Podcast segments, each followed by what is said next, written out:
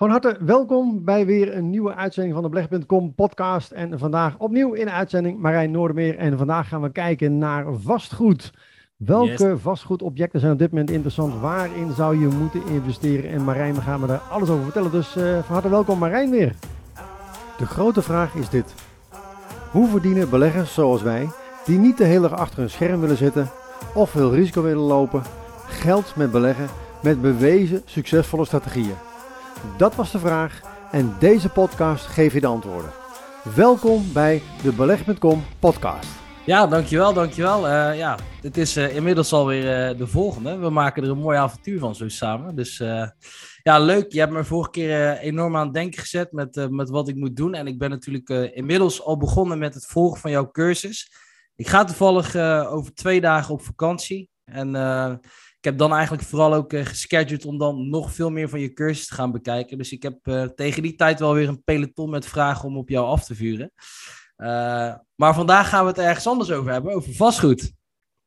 En ja, ik, ik, ik dacht, misschien is het gewoon leuk dat we vandaag gewoon samen een zoektocht gaan doen. Dat we eens even een half uurtje gaan kijken hoe, ja, hoe ik meestal zoek als ik dat online doe. maar voordat we dat gaan doen, ben ik eigenlijk ook eerst benieuwd hoe jij naar vastgoed kijkt, wat jij denkt dat belangrijk is. En uh, voordat we dus gaan zoeken, dat we daar eerst eens even over gaan hebben, hoe jij er nu op dit moment naar kijkt. Ja, ja ik kijk eigenlijk op die manier ook wel redelijk naar als, als, als zeg maar een bedrijfseconoom. Uh, dus ja, het liefst heb ik gewoon iets met een lage aankoopprijs, een hoge verhuurprijs, dus hoge opbrengst, een hoge cashflow. waardoor je op die manier gewoon een laag risico hebt. Hè. Um, het liefst ook wat mij betreft in een, in een, in een sector of een trend waarvan ik zeg van hé, hey, dit is interessant. Um, bijvoorbeeld, uh, ik heb bijvoorbeeld één, één vastgoedobject gekocht in, uh, in Lelystad. Waar uh, redelijk veel ja, Oost-Europese werknemers wonen. Die op dat moment dan werken, bijvoorbeeld ja, daar in die regio. dus op die manier het verhuurt aan een uitzendbureau. En dat, uh, dat levert in ieder geval een hele mooie, stabiele cashflow op. En uh, ja, de, de huizenprijzen in Lelystad uh, waren in ieder geval een paar jaar geleden in ieder geval nog niet echt heel erg hoog. Dus we konden het goedkoop aankopen en we konden het voor een hele mooie huur konden we het, konden het wegzetten. Waardoor we ja, tientallen procent rendement op jaarbasis daarmee maken. Ik weet niet helemaal precies op mijn hoofd, maar daar ben ik een beetje naar op zoek van. Wat is nu ja, een interessant ja. trend of, of een locatie uh, want ja, echt onontdekte uh, dingen zijn er denk ik niet meer zo heel erg veel te vinden, denk ik. Uh, dus dus ja, ik ben heel, heel ja. benieuwd wat voor idee jij daarbij hebt. Ja, en dus als ik het goed begrijp, beleg je nu al in een, in een woning. waarom heb je destijds gekozen voor een woning? Nou, eigenlijk vanwege het feit dat ik denk van ja, wonen, woningen zijn altijd nodig. Uh, we hebben natuurlijk toch ehm, economisch natuurlijk altijd te maken met bepaalde golfbewegingen. Dus kantoorpanden, ja, die zijn misschien niet altijd nodig. We hebben het ook in de afgelopen 2,5 jaar ook gezien. Het kan zomaar zijn dat een bedrijf ervoor kiest om, om uh, veel meer uh, werknemers vanuit huis te laten werken, hè, met allerlei lockdowns en dergelijke. Ja. Uh, retail is denk ik ook een, een, een trend. Hè. Mensen willen toch liever online dingen bestellen. Dus winkelpanden vind ik dan ook, ook wat lastig. Um, dus ja, wonen denk ik, ja, iedereen heeft, dus de meeste mensen hebben natuurlijk toch gewoon een dak boven hun hoofd nodig. Ja. Dus ja, misschien dat dat in ieder geval interessant is. Waar ik ook wel naar zit te kijken ehm, is, is, bijvoorbeeld ja, in, in, in, in de toerisme sector. Want hè, mensen blijven natuurlijk toch het liefst in ieder geval toch wel een tijdje ook op, op, op vakantie kunnen. Nou, misschien met alle uh, Schiphol uh, taferelen op dit moment, dat mensen misschien ook eerder in eigen land blijven, de, of in ieder geval in de buurt. Dus op die manier probeer ik ook een beetje te kijken naar, naar, naar trends van wat zijn op dit moment ja, nou, nou ja, interessante dingen.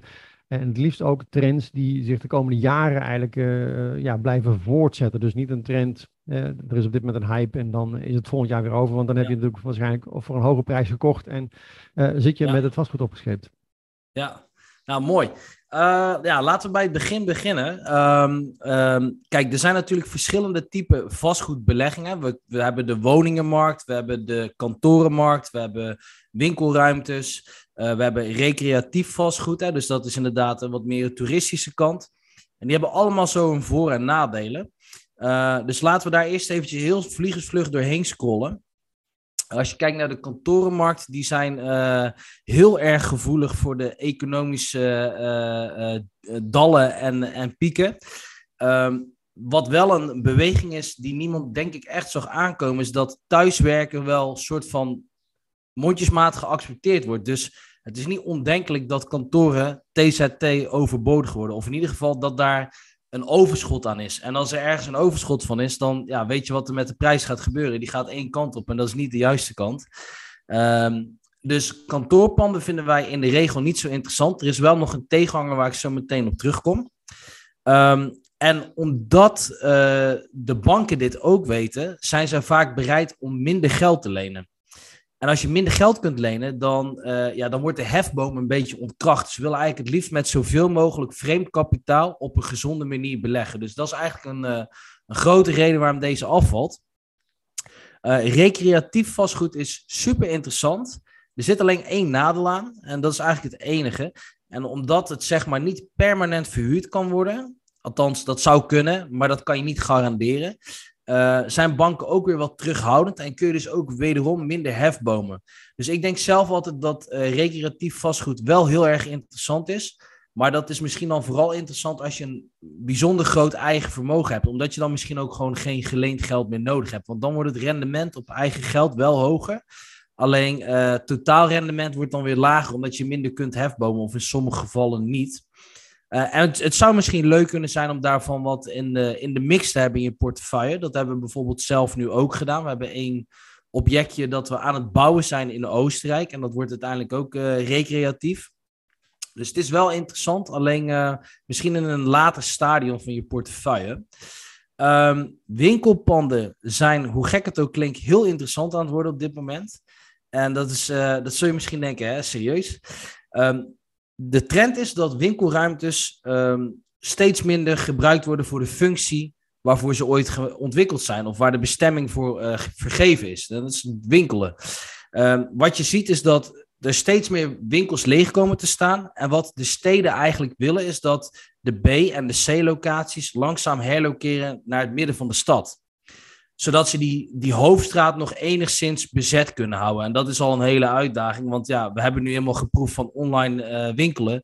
En hebben we allemaal zoiets van, nou, laat maar zitten in die winkel. Dat is allemaal gedoe en het is er niet en het is duurder. Laat maar gewoon lekker thuiskomen. Uh, of je het er nou mee eens bent of niet, dat is gewoon de trend die er is, zeg maar. En uh, ook al wil je het zelf niet doen, dat is gewoon wel wat het gros van de mensen doet. Maar uh, die winkeliers, die weten natuurlijk, hè, die zien hun omzet dalen. En als zij van een B-locatie goedkoper naar een A-locatie kunnen gaan, zullen ze dat doen. Maar dat betekent ook dat de B- en de C-locaties uiteindelijk leeg komen te staan. En waar gemeenten steeds meer aan mee willen werken, is in inbreiding. Dus het ging uitbreiding, maar inbreiding. Dus bestaande ruimtes in een centrum, binnen de ring vaak, die willen ze wel transformeren naar een andere bestemming. Nou, wat daar nog eens bij komt, is dat de winkeliers die dat pand ooit gekocht hebben, die zullen ook niet de allerbeste jaren achter de rug hebben. En die zijn vaak best wel bereid, en zeker vanaf wanneer zij uh, de belastingen weer moeten gaan betalen, en dat is zeer binnenkort, dat zij toch ergens water bij de wijn moeten doen, omdat hun uh, vermogenspositie vaak niet goed is. Kunnen ze niks aan doen, maar dat is wel waar je mee te maken hebt. Dus um, dat is een groot voordeel, want als je dus zo'n pand kunt kopen, zeker met twee laagjes erbovenop, dan zit er dus al een woonbestemming op en dan kun je er nog één extra creëren. Is, is uiteindelijk heel erg interessant. Um, nadeel is alleen wel dat omdat het beneden nog een winkelbestemming heeft, dat het dus ook beneden op basis van een winkelbestemming gefinancierd wordt. Dus aan het begin van het traject krijg je weinig geleend geld. Maar als je het succesvol afrondt, kun je het in het beste geval gewoon volledig financieren. En dan kun je al je eigen geld eruit halen. Dus dit is een iets meer lange ademtraject, maar wel heel erg interessant. En ik denk, want dat zei ik net ook bij kantoorpanden, dat je het uiteindelijk ook bij kantoorpanden kunt doen. Alleen dat is natuurlijk wel weer even net een maatje groter. En is misschien niet heel erg verstandig om mee te beginnen. Omdat je het, uh, denk ik, eerst klein moet proberen. En dat brengt ons bij het laatste. Uh, en dat zijn ja, normale woonruimtes. En je, je voelt misschien al een beetje aan dat, die, dat dat ook hetgeen is waar wij in beleggen. Want eigenlijk zitten we altijd te kijken, wat het ook is, kunnen we er ooit een woonruimte van maken?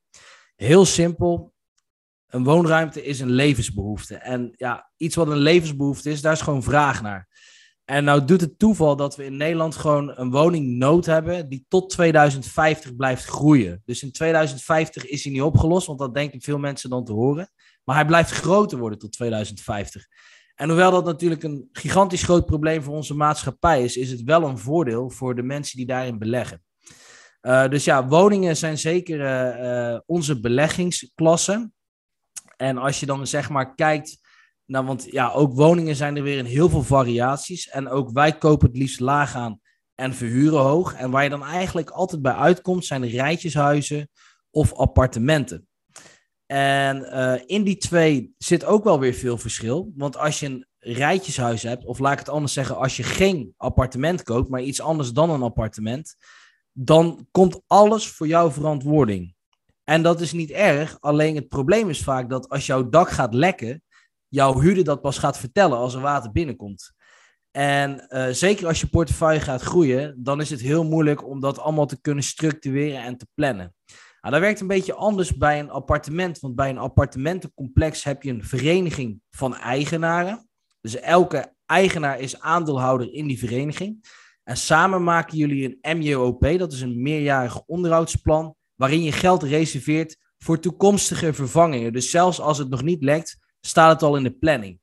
En wat wij merken is dat het, om vooral om te kunnen groeien in volume, dat het wat makkelijker is om dan appartementen bij te kopen dan uh, rijtjeshuizen.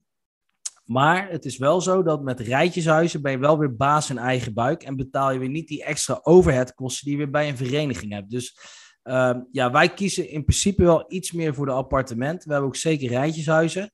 Maar ik kan ook heel goed begrijpen als je zou zeggen van nou, ik blijf liever baas in eigen buik. En ik wil die kosten laag houden. En ik wil misschien zelfs het rendement daardoor ook hoger krijgen. Want dat is meestal wel wat makkelijker te doen met een rijtjeshuis. Dus uh, ja, dat zijn een beetje de uh, beleggingsklasses. En uh, ja, ik weet niet of je ook een beetje bekend bent met waar je deze beleggingen kunt vinden. Of je de, de begaande paden kent. Of...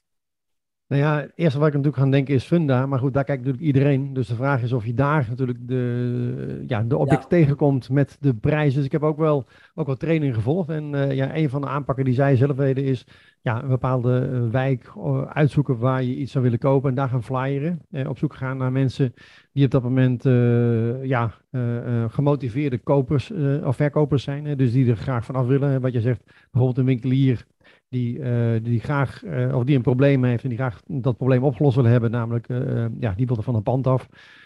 dus op die manier kun je, denk ik, ja, onder, de, onder de, de, de, de markt, of buiten de markt om, misschien ja. ook wel op zoek gaan naar, want ja, op dit moment zijn natuurlijk een hoop mensen die natuurlijk op zoek zijn naar een huis.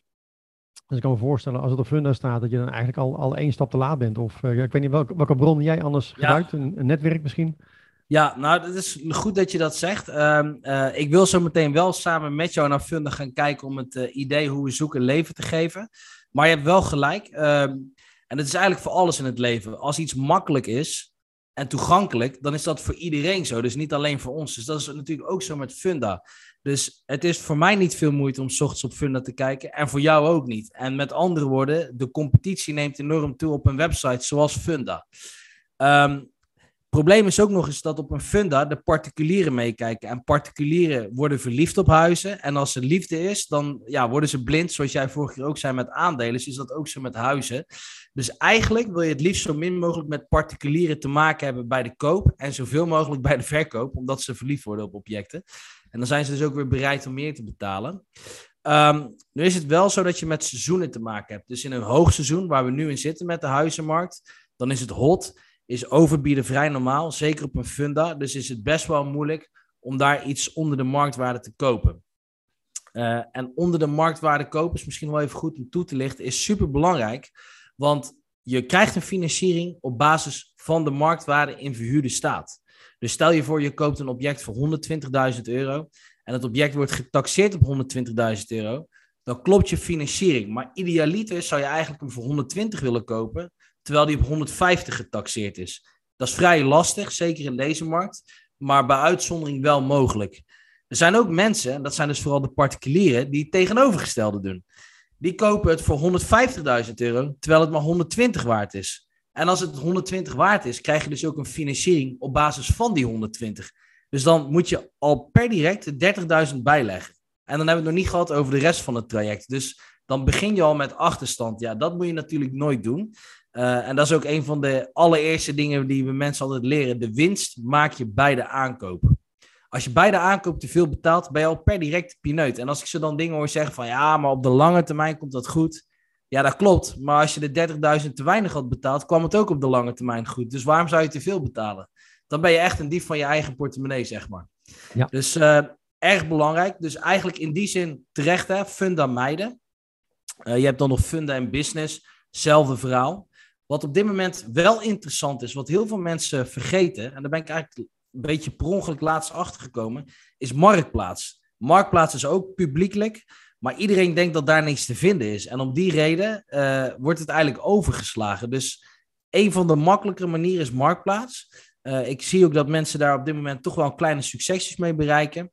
En een andere manier is eigenlijk dus inderdaad netwerken. Netwerken uh, is super belangrijk. En waar moet je dan aan denken? Misschien niet echt aan evenementen waar alleen maar beleggers komen. Want als je het van een belegger wil kopen, betaal je de hoofdprijs. Maar denk dan meer aan um, uh, de makelaars, taxateurs, notarissen, aannemers, klusjesmannen, loodgieters. Die werken allemaal met en voor beleggers en mensen die in het vastgoed zitten. En die hebben dus een netwerkje en die weten soms van, hé, hey, die belegger die zit moeilijk, want die heeft een groot project, die moet snel cashen. En die is wel bereid om het voor minder te kopen. Die kennen overal de mensen. De mensen met het geld en de mensen met de panden. En dat zijn eigenlijk de enige twee mensen die je als vastgoedbelegger moet kennen. Van wie ga ik zijn geld lenen en wie zijn vastgoed ga ik daarmee kopen? En die twee dingen, ja, die moet je bij elkaar zien te krijgen. Um, flyeren is iets uh, wat wel heel efficiënt was, maar wel minder efficiënt begint te worden. En dat komt natuurlijk omdat steeds meer mensen onze trucjes en van onze collega's herhalen. Uh, en wat je dan wel weer ziet, is dat er weer slimmerikken zijn die dus eigenlijk digitaal gaan flyeren. Dus die maken een, uh, een website, die volgen daar leads op en die doen eigenlijk hetzelfde dat wij offline deden, maar doen hun online. Ik heb dat zelf nooit gedaan, omdat ik het eigenlijk te druk heb met IBA en mijn andere activiteiten. Maar ik weet zeker dat het een supergoed model is. Um, dus ja, dat is het eigenlijk. Uh, dat zijn de manieren. Um, is daar, is daar, ja, nou heb ik ja. ook nog eens gehoord van mensen die dus op zoek gaan naar, naar deals voor jou. Hè, en die dan uh, ja. deal, deal sources.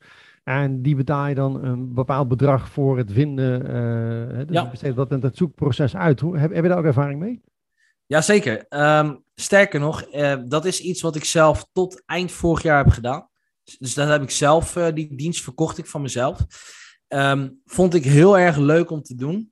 Um, maar op een gegeven moment moest ik gewoon gaan kiezen. Want ik was en met beheer bezig. En ik heb nog een ander bedrijf, een horeca-onderneming. Ik heb IBA en ik moest gewoon gaan kiezen. En uiteindelijk wil ik me gewoon alleen nog maar op vastgoed focussen. Dus ik ben met de horecazaken ben ik één voor één aan het verkopen. Heb ik er inmiddels al drie verkocht. Um, ik ben gestopt met dealsourcen. Eigenlijk ga ik uh, langzamerhand naar IBA. Um, maar ik heb er dus heel veel ervaring mee. Ik kan er eigenlijk ook best wel een hoop over vertellen. Een dealsourcer is eigenlijk iemand die op commissiebasis voor jou een geschikte belegging zoekt. Um, daar, kunnen, daar heb je hele goede bij. Ik moet wel eerlijk zeggen, er zitten ook een hoop cowboys tussen. En wat bedoel ik daarmee? Dat zijn eigenlijk uh, uh, jongens die snel geld willen verdienen. Die zoeken een uh, advertentie op het internet, vaak zelfs van Funda. Ze modelleren de advertentie een beetje, zodat jij hem net niet kan vinden op Funda. En vragen daar een fikse commissie voor. Uh, je moet dan denken aan, uh, dat begint vaak vanaf 5000 euro. En ik zag van de week zelfs iemand die meer dan 10.000 euro vroeg voorbij komen. En ik vind op zich 10.000 euro commissie helemaal niet erg als de deal gewoon meer dan 10.000 euro onder de marktwaarde is. Dat is natuurlijk een simpele rekensom. Alleen, uh, ja, er zit wel een hoop rotzooi tussen. Dus ik ben zeker te weten pro-deal sourcing. Maar je moet vooral ook weten met wie je zaken doet. Um, ik denk zelf dat als iemand een goede deal aan jou wil doorverkopen, dan is het onmogelijk dat zoiets in een zogenaamde Facebookgroep zit of in een WhatsApp-lijst. Want of de market betekent dat niemand weet dat het te koop staat. En hoe het daar een beetje verkocht wordt, is het is of Funda. Maar Funda is niet de enige markt. Dus ik vind dat heel belangrijk dat als je met zo iemand zaken doet, betaal hem liever 10.000 euro, maar dat je weet dat hij een goede deal heeft, dan dat je gewoon eigenlijk een junk lead krijgt. Dus dat is heel erg belangrijk om uh, bij deal sources, als je daarmee samenwerkt, de goed je huiswerk wie je voor je hebt. Ja, En is vaak denk ik ook gewoon dat je via via misschien uh, op zoek moet gaan. Wat zijn nu de groeien en wat zijn nu de minder groeien? Want ze vertel van tevoren natuurlijk niet bij van ja, ik, uh, ik, ja. ik, ik, ik, rommel maar wat aan. En ik, uh, dus ja, vaak heb je natuurlijk ook daar mond-tot-mond reclame die dan op die manier misschien werkt. Hè? Dus dat je ook weer net werkt om uiteindelijk gewoon je netwerk weer te vergroten naar, ja, Absoluut. naar, naar deal sources. Ja, nou, voordat we zo meteen gaan zoeken, misschien nog een laatste belangrijk ding. Want je zei het net, en zo zit ik precies in de wedstrijd. Je wil eigenlijk zo laag mogelijk aankopen en zo hoog mogelijk kunnen verhuren. En het is niet moeilijk om panden te vinden die laag in de waarde zitten. Dat, dat gaan we zo doen. En dan, komt iedereen tot de conclusie die dit na gaat kijken van... oh, wauw, dat is heel simpel. Uh, maar dan weet je nog steeds niet of je het voor veel kunt verhuren. En daarom is een marktonderzoek heel erg belangrijk. Een marktonderzoek is eigenlijk gewoon onderzoeken van... hey, hoe is die markt daar nou eigenlijk? En neem dan ook niet alles voor lief aan. Want we zien wel eens dat mensen dan met online grafiekjes van het internet komen. En dan staat dan in de top 10 van beste steden. En dan vraag ik altijd aan maar weet je ook waar die data vandaan komt? Ja, dat komt van Funda. Zeg, ja, maar dat is eigenlijk al verkeerde data. Want Funda is niet de enige markt. En verhuurorganisaties die uh, bijvoorbeeld, hè, dus je hebt uh, bijvoorbeeld in Heerlen is een mooi voorbeeld, is best een arme gemeente. En in zo'n arme gemeente zijn er dus ooit heel veel sociale huurwoningen gebouwd. Die sociale huurwoningen staan ook op Funda. En die verpesten dus eigenlijk de data heel erg. Want ze betalen best een goede prijs voor een uh, uh, huurwoning in die privésector. Alleen Funda weet niet wat het verschil is tussen de privésector en de sociale sector. Dus het, het loont wel om daar soms wat meer tijd in te stoppen. Het laatste dingetje ook daarover zal zeggen, dat is eigenlijk mijn gouden tip hoe ik er heel snel achter kom. Ik ben wat dat betreft wel een beetje oldschool van het handenwerk, maar bel naar verhuurmakelaars en doe alsof je een huurder bent in plaats van een verhuurder. Want als jij een verhuurder bent, dan ben jij zijn klant en dan zal hij graag vertellen wat jij wil horen. Maar als jij een huurder bent en je zegt bijvoorbeeld: hey, uh, het is Marijn hier, ik zit net in een scheiding, gezinnetje van drie kinderen. Ik ben op zoek naar een woning, twee slaapkamers als kan, minimaal, liever drie. En mijn budget is 600 euro. En dan zal die waarschijnlijk zeggen, nou, dat, dat gaat niet, dat is niet realistisch. Nou, dan bel je naar de volgende, 700, 750, 800. En binnen drie, vier telefoontjes weet je waar de bodem ligt. Maar als je nu omdraait en je zegt, hey, uh, ik wil een uh, pandje vuur, ik ben op zoek naar hoog rendement, kun je hem voor 900 euro verhuren, gaan ze altijd ja zeggen. Want zij willen dat jij hun klant wordt. Dus draai hem altijd om en doe alsof je de huurder bent. En dan zul je heel snel bij de zuivere bodem uitkomen. Ja, ik heb er ooit eens een keer een training gevolgd van, eh, van Kevin Green. Ik weet niet of je die kent. Een, uh, een ja. vrij grote vastgoedbelegger in, eh, in Engeland. Ja, en, zeker. Uh, en die vertelde tijdens zijn seminar dat hij eerst een advertentie gaat plaatsen in de krant. Om te kijken van hoeveel reacties daarop kwamen. Om te peilen van nou, hoe is het, is het animo als ik dat ga verhuren. En dan pas uh, als hij dus daar zijn marktonderzoek klaar had, dan pas uh, aan de slag ging om iets, uh, iets aan te kopen. Ja, nou kijk, Kevin Green die komt uit Engeland. Kevin Green is sowieso echt heel succesvol, hoor. daar doe ik niks op af. alleen de Engelse markt is anders. En het tijdperk waarin Kevin Green heel veel seminars gaf, want dat doet hij nou denk ik niet zo heel veel meer, is wel een beetje een ander tijdperk. Um, de woningmarkt in Engeland is ook wel wat anders. Daar hebben ze ook echt zeker wel tekort maar in Nederland heb je gewoon echt overal tekort. Zelfs op de zogenaamde krimpplaatsen is er gewoon woningnood. Om je een idee te geven, als we een open huis doen in Rotterdam uh, of in Dordrecht, dan komen er 50 mensen. Dat is echt bizar. Uh, doe ik er eentje in Vlissingen, wat al een heel klein stadje is en niet eens echt een krimp of een groeiregio, is een vrij neutrale regio, komen er 20 mensen. Heerlen, lichte krimp regio, daar heb ik uh, vorige week een woning komen ook 20 mensen. Ja, zeg jij het maar. Uh, ik denk dat ik wel weet wat je dan moet doen. Als je dus het risico wil nemen om in een krimpregio te investeren, wat we overigens niet aanraden, hoewel we het wel zelf doen, uh, dan moet je het verschil weten te maken. Nou, wat bedoel ik daarmee? Als een regio minder inwoners krijgt, dan betekent dat overigens ook nog steeds niet dat de voorraad uh, een overschot krijgt. Want waar je ook naar moet kijken is hoeveel mensen gaan er alleen wonen. En dat worden er ook steeds meer. Nou, dat was voor ons een hele goede reden om destijds in Vlissingen te investeren. In Heerlen pakten we het een beetje anders aan. Daar wisten we dat uh, er wel vroeg of laat een overschot komt. Dat is rond 2040, 2045 zullen er uh, voldoende woningen zijn. Dus dat is op zich geen gunstig signaal. Maar als je dus super goedkoop kunt inkopen, en dan heb ik het echt over 80.000 euro voor een huis, wat twee jaar geleden nog lukte, en je maakt het netjes, ja, waarom zou iemand dan nog steeds jouw woning niet willen hebben? Want dan heb je dus een goed product. Dus ook dan kan het interessant zijn, maar dan moet de prijs gewoon echt heel laag zijn. Dus um, ja, volop redenen. Ja. Dus um, ja, ik zou zeggen, laten we gewoon zo even samen kijken. Ja, goed idee. Ga jij je scherm delen? Ik uh, ga mijn... Delen? Nee, ik, uh, ik zal hem delen, dat is goed. Ik kom eventjes erbij zoeken. Klein ogenblikje.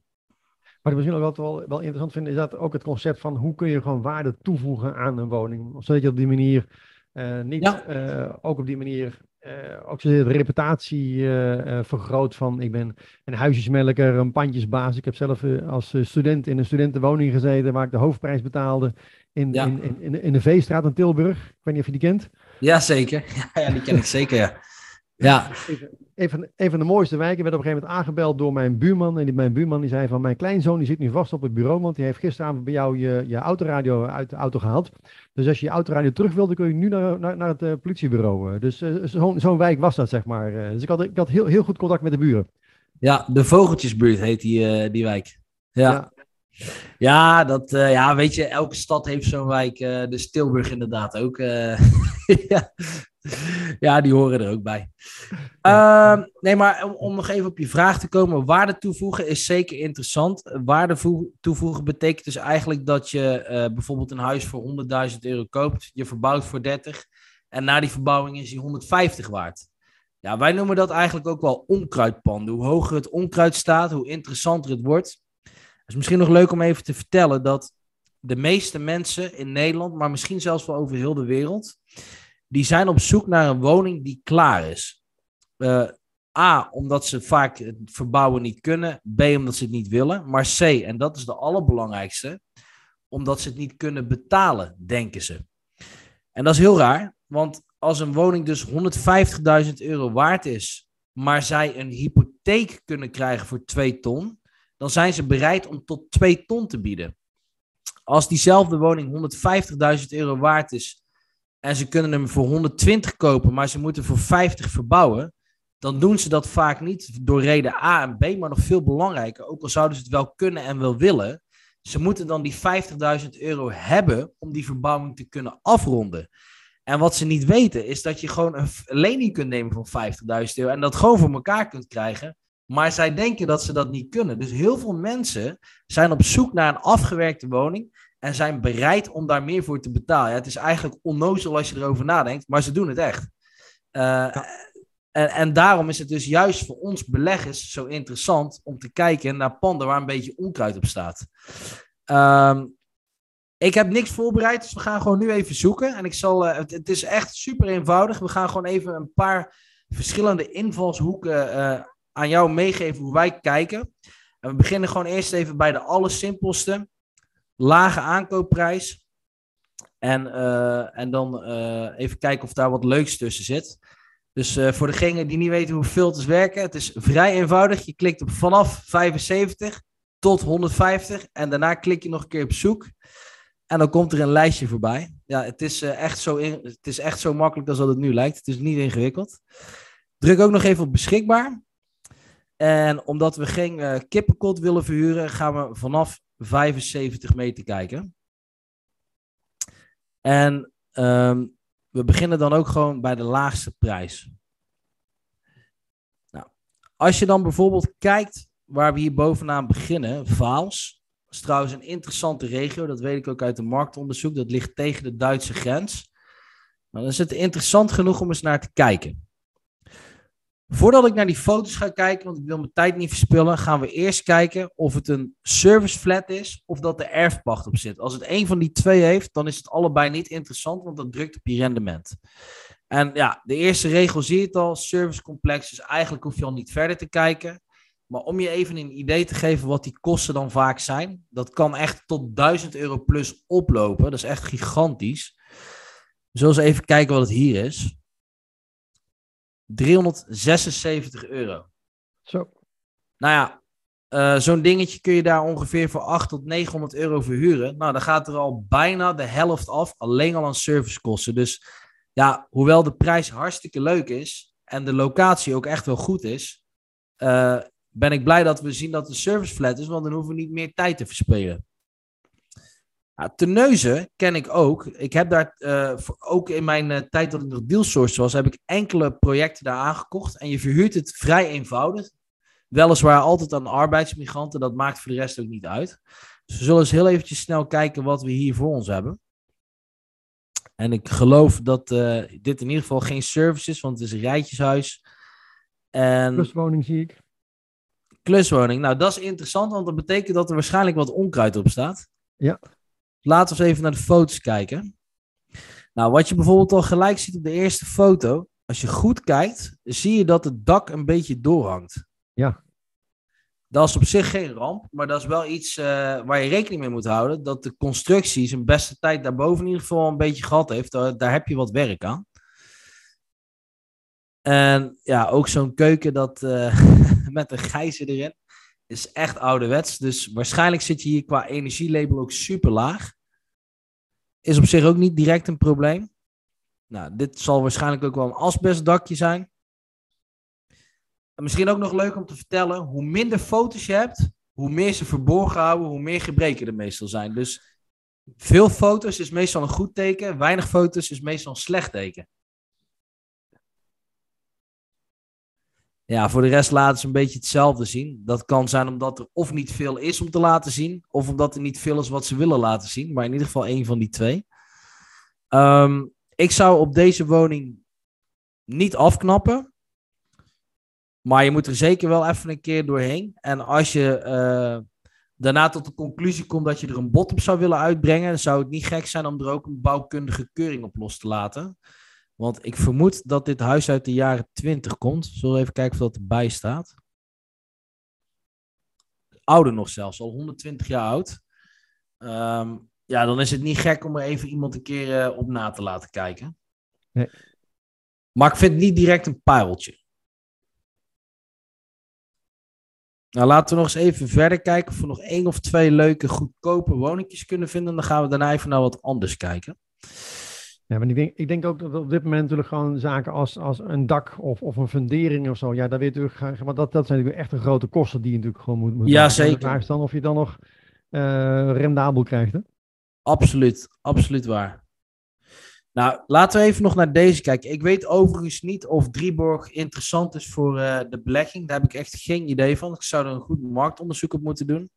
Maar wat ik in ieder geval wel weet, is dat je voor 125.000 euro een verpauperd huis kunt kopen. En misschien moet je het wel gewoon plat gooien. Maar ook een perceel van 1100 vierkante meter kunt kopen. Ja, nou, wat wordt hier heel interessant aan? Eigenlijk wilde ik dit uh, in een nieuwe zoekopdracht zo meteen gebruiken. Maar ja, dat kunnen we dan nu meteen doen. Als dit te renoveren valt, en dat is natuurlijk even de vraag. En ik ga er even vanuit dat dit het perceel is. Dus deze lijn zo. Misschien hoort dit er ook nog wel bij, dat weten we nu niet. Maar laten we er even vanuit gaan dat dit het perceel is. Dan zou je natuurlijk dit kunnen splitsen. Dit renoveren en dit doorverkopen. En de opbrengst hiervan, van dit perceel, kunnen gebruiken voor de renovatie hier. Stel je voor dat je dus allemaal met geleend geld doet. Deze volledige opbrengst gebruik je om dit volledig te renoveren dan heb je hier nog steeds die hypotheek van 125 op. En dan is natuurlijk de vraag, wordt het dan meer waard? En als dat het geval is, is het natuurlijk super interessant. Of wat je ook nog kunt doen, als je niks wil verkopen, is hier gewoon een nieuw huis opzetten. En dan heb je twee huizen op hetzelfde perceel.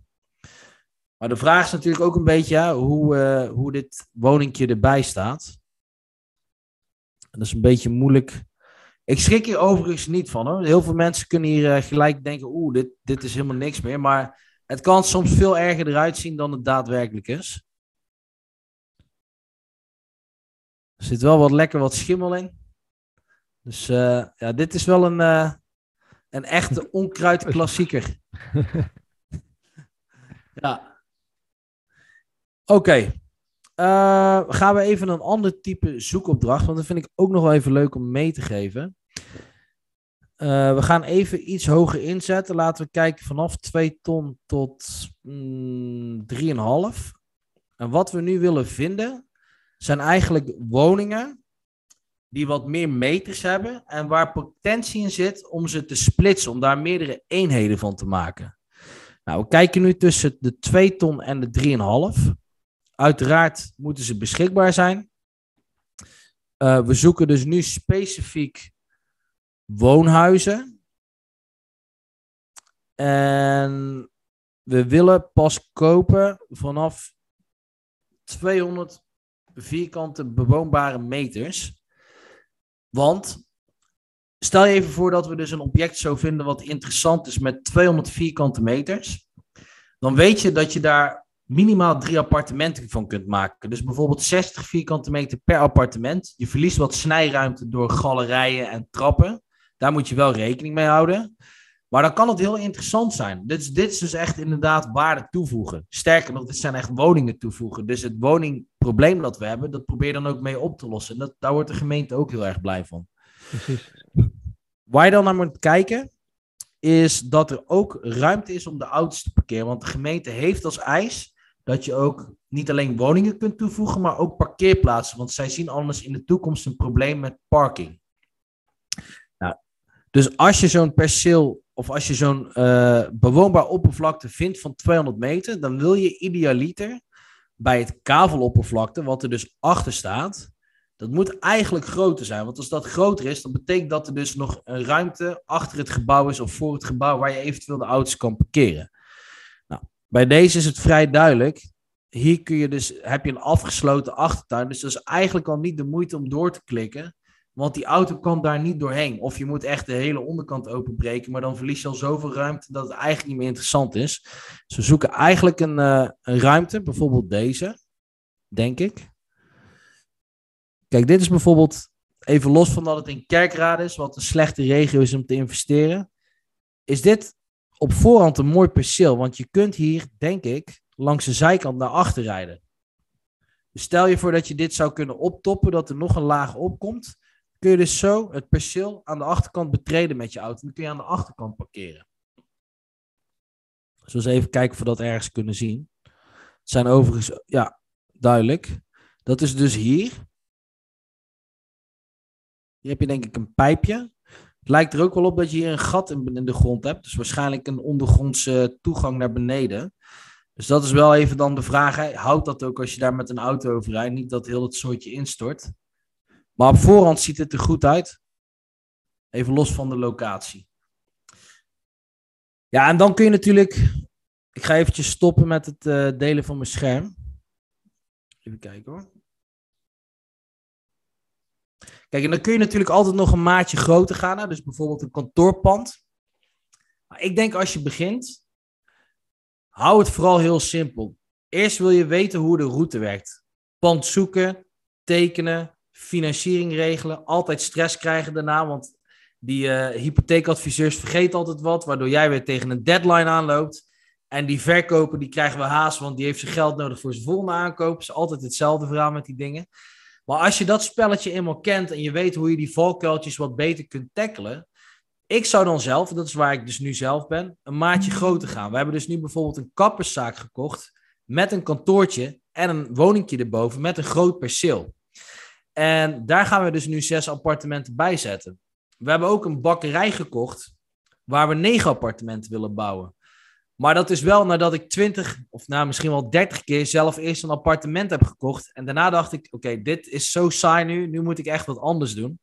Ehm, ik zeg niet dat je twintig keer een appartement hoeft te kopen. Maar misschien in plaats van één keer doe je twee, drie, vier keer. En ga dan misschien wat waarde toevoegen. En dan weet je wel dat je misschien niet het maximale eruit haalt.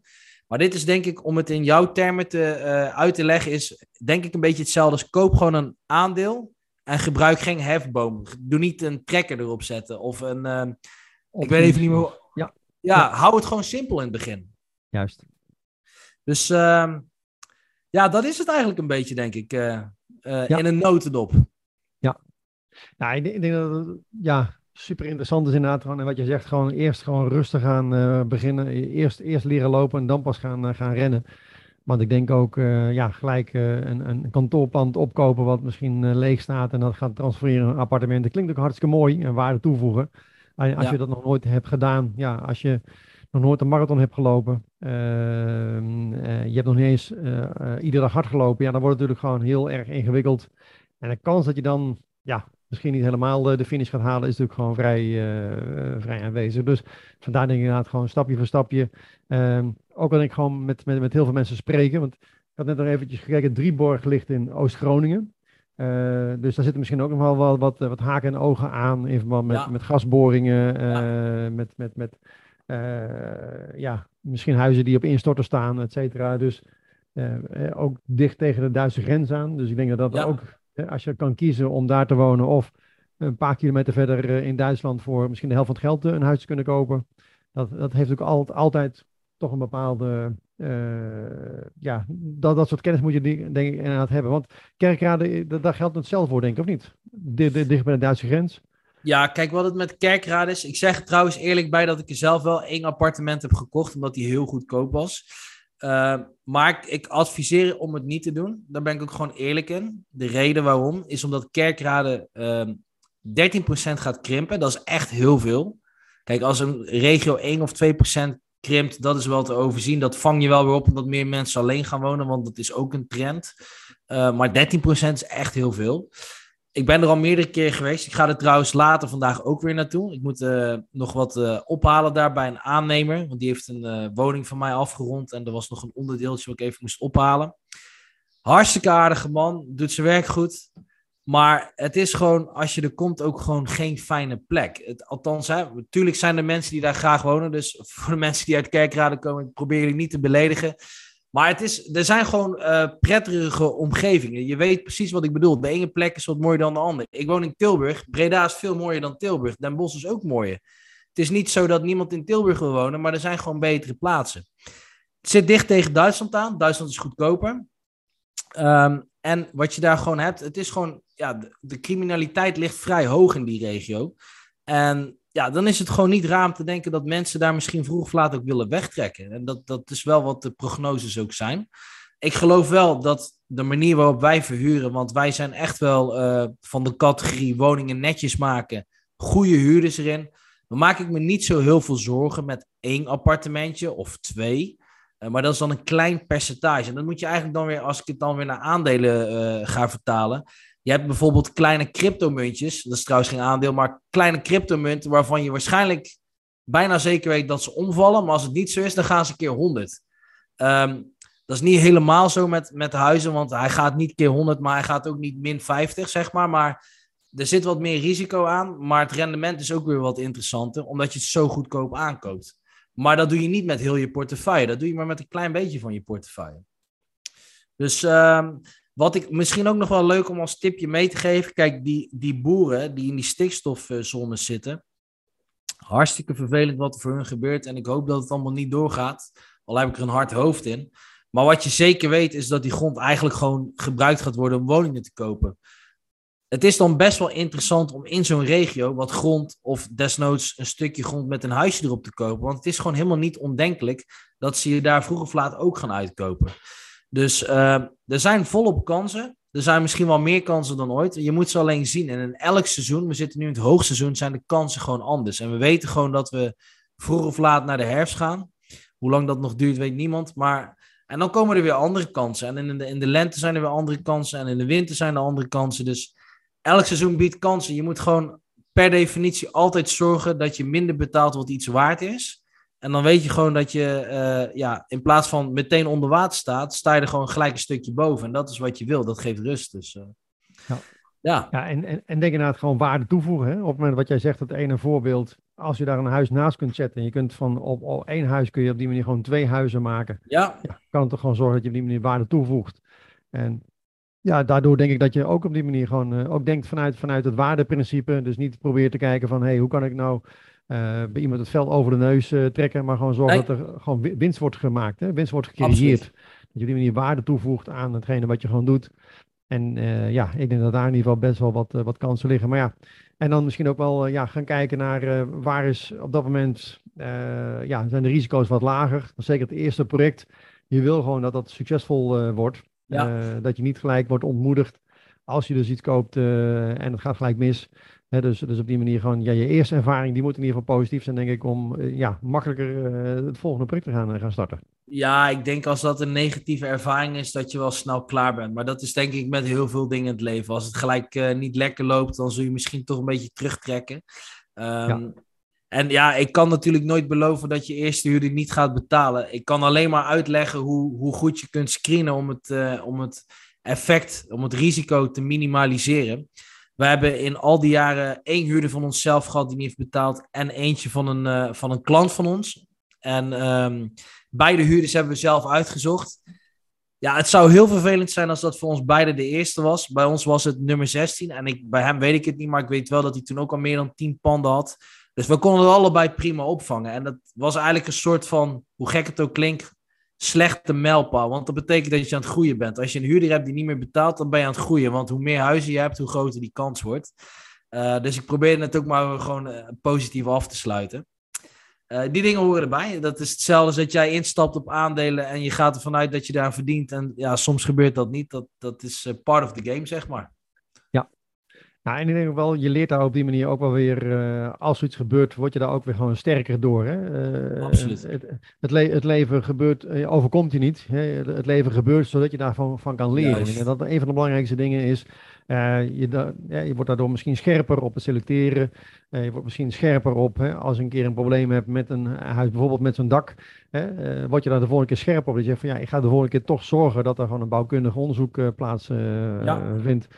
Uh, voordat ik erin ga stappen. En, uh, en dat is denk ik ook gewoon het, het, hele verhaal, de ervaring opdoen. Ga er niet vanuit dat je alles in één keer gewoon allemaal perfect doet. Uh, accepteer ook gewoon dat je gedurende het proces gewoon leert. maar ook heel veel ehm, ja, stappen maakt, waardoor je op die manier gewoon, gewoon ja, elke keer weer net, net een klein beetje beter wordt. Dus het gaat niet in één ja. keer, je leest een boek of je kijkt een film en je, je doet gewoon 100% goed. Ik denk niet dat dat bij de meeste mensen in ieder geval gebeurt. Dus, uh, maar ja. laat je ook denk ik gewoon eh, goed, goed helpen denk ik, door, door iemand uh, door, die daar ervaring in heeft. Dus, uh, want ja, je, jij en Chantal hebben een boek geschreven. Kun je, kun je daar nog eens over vertellen? Over, over wat daar ja. in het boek allemaal te vinden is? Ja, zeker. de links zal ik zo meteen hieronder laten verschijnen. Um, ja, ons boek is Zonder Eigen Vermogen. Nou, die titel komt natuurlijk niet uit de lucht gevallen. Dat heeft een reden.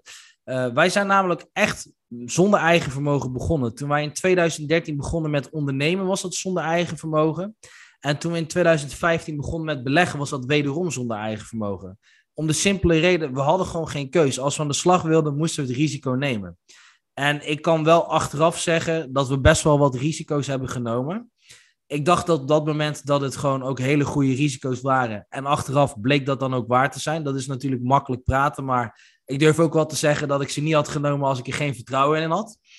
Um, waar het om gaat is, en wat ik eigenlijk ben gaan leren, is dat geld uh, eigenlijk wel een probleem is en eigenlijk geen probleem is. Want het probleem is dat ik er niet genoeg van heb. Maar daar gaat het fout met het denken. Dat ik er niet genoeg van heb, betekent niet dat er niet genoeg van is. Want er is heel veel geld. Je moet alleen leren hoe je het bij iemand anders kunt uh, gebruiken of inzetten, samenwerken, om dan weer het vastgoed van een ander te kopen. En vandaag de dag denk ik niet meer, ik heb niet genoeg geld, want dat heb ik elke dag niet. Ik heb eigenlijk maar twee problemen iedere dag, of eigenlijk beter gezegd twee uitdagingen. Wie zijn panden ga ik kopen en wie zijn geld ga ik daarvoor gebruiken? En in ons boek leggen we uit hoe wij keer op keer op verschillende manieren, zonder eigen vermogen, vastgoed hebben weten aan te kopen, dat ook nog eens succesvol rendeert na alle betalingen die gedaan moeten worden. En ja, als ik dat kan, ja, dat klinkt als een cliché, maar dan kan echt iedereen het. Want het is gewoon helemaal niet zo moeilijk. Dus daar gaat ons boek over. Maar ik denk, denk wel dat het belangrijk is inderdaad dat je, dat je wel leert van iemand die dat uh, succesvol heeft gedaan. In plaats van dat je zelf gaat tobben, zelf gaat proberen, ja. zelf gaat, uh, gaat uh, de fouten gaat maken. Ja, dan is het handig denk ik om te leren van iemand die dat pad heeft bewandeld die de valkuilen al een keer heeft gezien. Hè, die al eens een keer te maken heeft gehad met een, met een, een, een huurder die niet betaalt. Die misschien een keer een, ja, een, verkeerde aankoop heeft gedaan, daar weer van geleerd heeft en die kennis gewoon met jou kan delen. Dus daarom, ja, ik kan ook iedereen in ieder geval aanraden. bestel het boek van, van, van, van Marijn en Chantal. ja, ga gewoon aan de slag. zet je eerste stappen. ook wat ik gewoon ook nu doe. Ik wil heel graag over de schouder van Marijn meekijken om te kijken hoe kijk jij aan tegen de markt. Waarom ga je dus wel in, in, het ene, in de ene plaats, niet een andere plaats? Nou, dat is onder andere heel veel huiswerk. Hè? Zorg dat je je onderzoek ja. doet. Dat je dus weet dat je niet in kerkraden tenminste beter kan beginnen. Hè? Dat, je, dat je er niet in gaat, gaat investeren, wil ik niet zeggen. Maar ga er in ieder geval niet als eerste in beginnen. Pak dan eerst denk ik gewoon iets waarbij je zegt, het risico is daar wat lager. Uh, de kansen zijn er ietsje beter. Want ja, de eerste succeservaring, die zorgt ervoor dat je gewoon doorgaat. En als je gelijk al de eerste uh, zeper te pakken hebt, ja, dan is de kans dat je, dat je doorgaat natuurlijk gewoon veel kleiner. Ja. En het natuurlijk zonde zijn als je uh, ja, gedemotiveerd raakt. Want ik denk inderdaad, wat jij terecht zegt, er is gewoon tekort aan woningen. En ik denk dat de ondernemers het moeten gaan oplossen. Hè. Ik denk niet dat we moeten gaan kijken naar Den Haag, dat Den Haag het gaat oplossen. Ik uh, denk dat die kans vrij gering is dat daar de oplossingen vandaan gaat komen. Dat zou de eerste keer zijn, denk ik, in mijn leven dat de oplossing uit, uit Den Haag komt. Dus de ondernemers moeten het gaan oplossen. Ja. En ik denk inderdaad gewoon, uh, ja, wij moeten gewoon gaan zorgen dat we die, die, die, die woningschaarste gaan oplossen. Uh, ondanks alle, alle hobbels die Den Haag dan voor ons opwerpt. Hè, zoals waar, het, het, beperken van bepaalde zaken. Maar uiteindelijk, ja, als ondernemer ben je creatief genoeg om, om daar ook, denk ik, gewoon van te leren. Ja. En, uh, door de hoepels te springen. Nou, weet je wat ook het mooie is? Misschien leuk om mee af te sluiten. Dat wat we doen is in die zin ook echt wel dankbaar. Ik heb meerdere keer gehad dat wanneer we de sleutel aan de nieuwe huurder geven, dat. Uh, je moet je dus voorstellen, we hebben laatst bijvoorbeeld aan een vluchteling uit Oekraïne wat verhuurd. Nou, je kunt je voorstellen hoe blij die mensen zijn dat ze een dak boven hun hoofd hebben waar uh, wat geen uh, schuilkelder is, zeg maar. We hebben uh, een vrouw gehad die in een scheiding lag, wat echt tot mishandeling aan toe ging. Dat ze zo blij was dat ze bij haar man wegging. Dus ik kan ook echt zeggen met wat wij doen, dat het best wel dankbaar is. Het is aan twee kanten heel fijn. Hun hebben een win omdat ze eindelijk een situatie hebben waar ze uit kunnen. Want het zijn vaak echt mensen ook die in een probleemsituatie zitten. Want eerlijk is eerlijk, de woningen die wij kopen, het zijn kleine appartementen, 60, 70, 80 vierkante meter het is van niemand echt zijn droomhuis, maar het is vaak wel een hele goede start of doorstart om uit een situatie te komen. Want wat we zien is dat ze na twee jaar ook weer verder gaan, hebben ze vaak een nieuwe relatie of een huisje gekocht en dan gaan ze verder. Maar het is eigenlijk gewoon heel mooi om te zien hoe je mensen gewoon kunt helpen. En, en ja, dat vind ik ook gewoon heel erg leuk aan, aan wat we doen. Een huis, een thuis maken voor mensen, is echt uh, super. Ja, ja, en dat is denk ik heel anders. Hè? Het voorbeeld van wat ik, wat ik noemde bij die, bij die huisjesmelker, eh, zeg maar, eh, in Tilburg. Die koopt een huisje, uh, die zet er zoveel mogelijk hokken in. Ja. Om zoveel mogelijk uh, te verdienen aan die studenten. Dus dat is ook een heel ander verhaal. Dan zit je er op een heel andere manier in. Dan dat je inderdaad gewoon iets gaat kopen. Probeert waarde toe te voegen. Ja. En dan vervolgens op die manier, inderdaad, wat je zegt, van, van een huis, een thuis maken voor, voor iemand. En ja, ik denk dat daar in ieder geval toch weinig mensen op tegen kunnen zijn, volgens mij, Marijn. Ja, ik denk het ook. Uh, de, kijk, de term huisjesmelker, die, uh, uh, dat is met alles in het nieuws. Hè. Er moet iemand ergens een schuld van krijgen. En het is natuurlijk een beetje gek, als je er een beetje logisch over nadenkt, dat je mensen die beleggen in vastgoed daar de schuld van geeft. Want die zijn juist degene die dit probleem moeten oplossen. Maar ja, als je alles gelooft wat er op tv verteld wordt, dan is dit dus ook iets wat je gelooft. Dat kan ik die mensen ook niet kwalijk nemen. Uh, wij kunnen alleen maar zorgen dat we het tegendeel bewijzen. We hebben dus nu bijvoorbeeld een kapperszaak gekocht met drie huisnummers. En dat zijn er eind dit jaar negen. En dan staan ze er nog niet. Maar ik kan in ieder geval zeggen dat ik zes woningen aan de markt heb toegevoegd. En ik, en ik kan sowieso zeggen dat ik woningen aan de markt toevoeg. Want als je het heel zwart-wit bekijkt en je koopt een huis om er zelf in te wonen, dan heb je er één aan de markt onttrokken. En als je hem koopt om te verhuren, heb je er één teruggegeven aan de markt. Dus het is altijd maar hoe je het bekijkt. Ja, ja. Heel mooi. Nou, ik ga verder mijn huiswerk uh, doen. Uh, als ik wat tegenkom, ik uh, ja, wil het heel graag even met je delen. Maar de komende tijd in ieder geval wat minder dan met gezien jullie, jullie vakantieplannen in ieder geval. ja. Dus ik wil jou in ieder geval ontzettend bedanken voor ja, eventjes een blik over jouw schouder. En ja. Ehm, ik ga in ieder geval verder, verder zoeken. Ik wens jou in ieder geval een hele fijne vakantie. Dankjewel. En dan, ja, wat mij, mij betreft in ieder geval, ja, tot de volgende podcast. Ja, zeker. Uh, we gaan het dan uh, uh, over jouw cursus hebben, want ik denk dat ik daar heel veel vragen over ga krijgen. Ja, ik, ben, ik ben er in ieder geval helemaal klaar voor, dus ik zou zeggen, schrijf ze op en ja, dan, dan gaan we er zeker naar kijken. Leuk. Top, dankjewel. Wil je meer weten over beleggen? Bestel dan jouw kopie van mijn boek in 10 stappen succesvol beleggen of meld je aan voor de gratis online training op www.beleggen.com. In mijn boek en training ontdek je stap voor stap hoe wij bewezen succesvolle strategieën gebruiken om geld te verdienen op de beurs.